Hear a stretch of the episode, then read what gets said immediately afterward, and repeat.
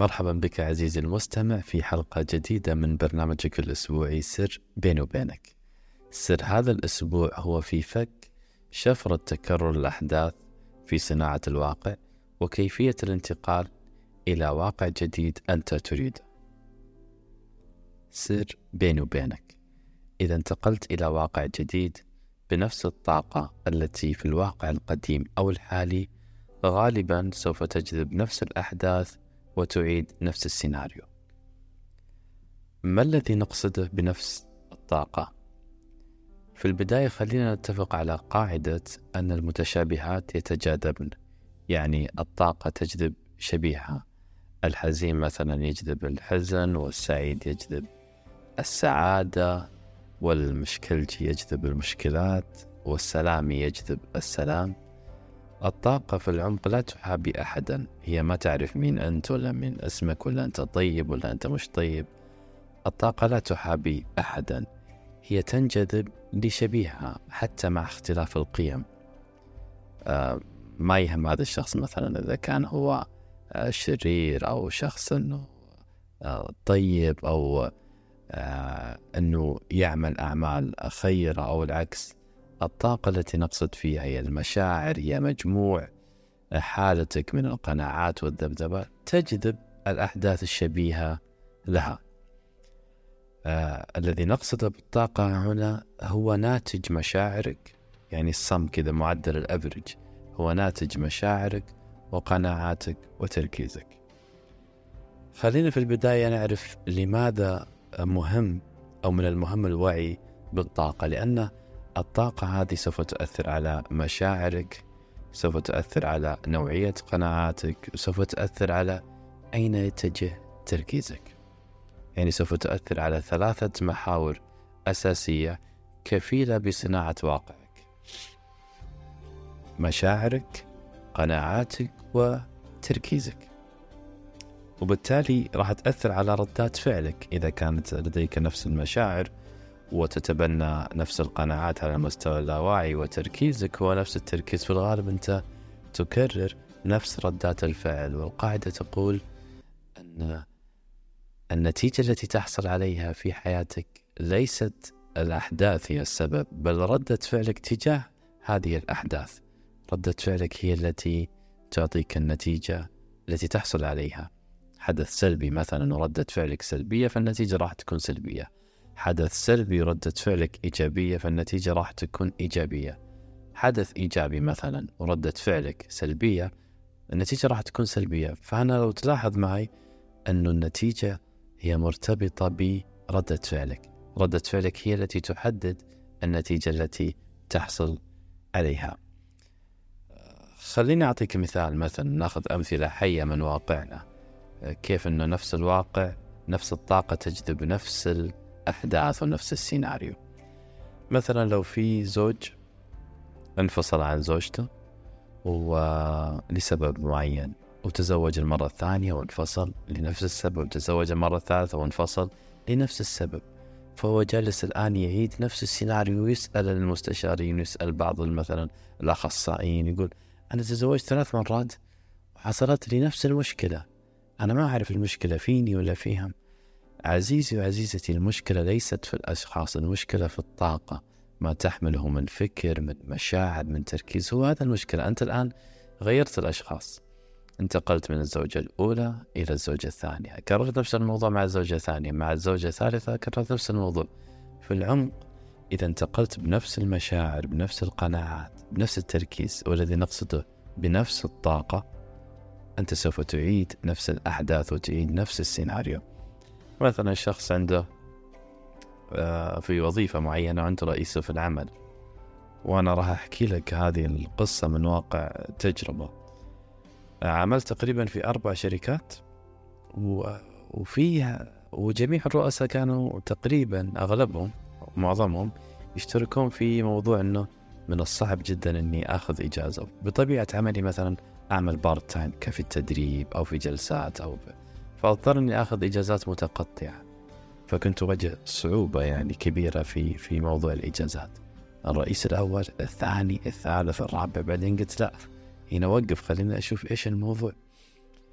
لما تعمقت وبحث لقيت أن القناعة والطاقة هي نفسها نفس القناعات ونفس الطاقة أنه هي الخوف العميق في الداخل على مستوى اللاوعي من الرفض والإجازة والخوف أني أحمل أصدقائي هذاك العبء في العمل. okay.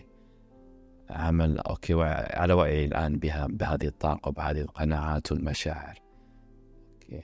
عملت نية أو نويت نية إني اشعر مشاعر جديدة قناعات جديدة والحمد لله انحل الموضوع. القصد هو أنك لما تكون على وعي بالطاقة الحالية في الغالب ما راح تتحكم فيك مستقبلا. أيضا في الصداقات.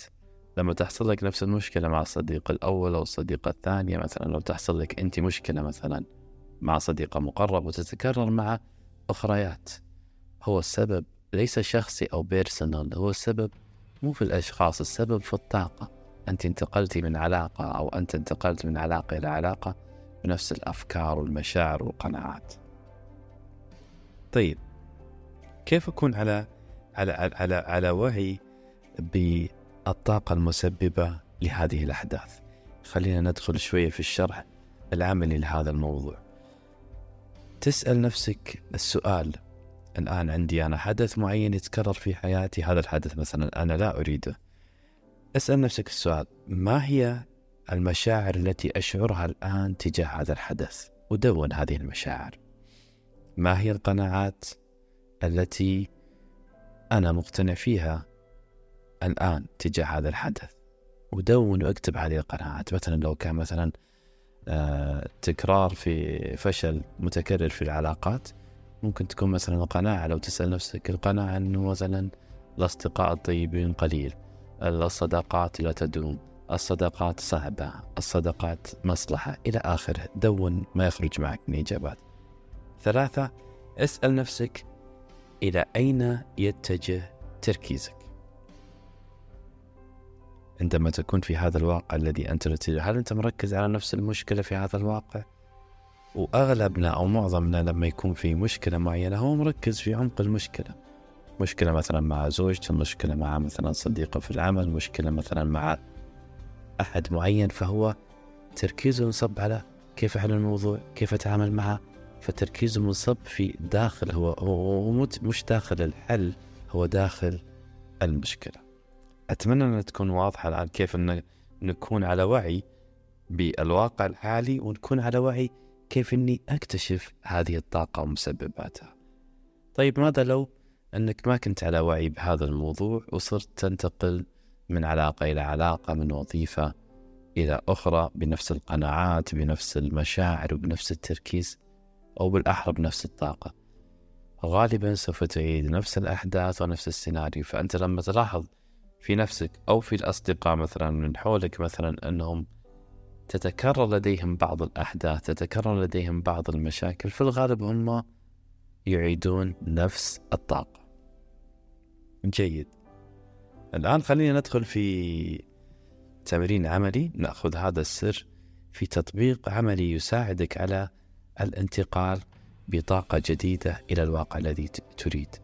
السر هو أنك لما تغير الطاقة تغير الطاقة الحالية أو تعدل فيها أو ترفعها من الواقع الحالي إلى الواقع الجديد في الغالب لن تتكرر نفس الأحداث المتواجدة في الواقع القديم.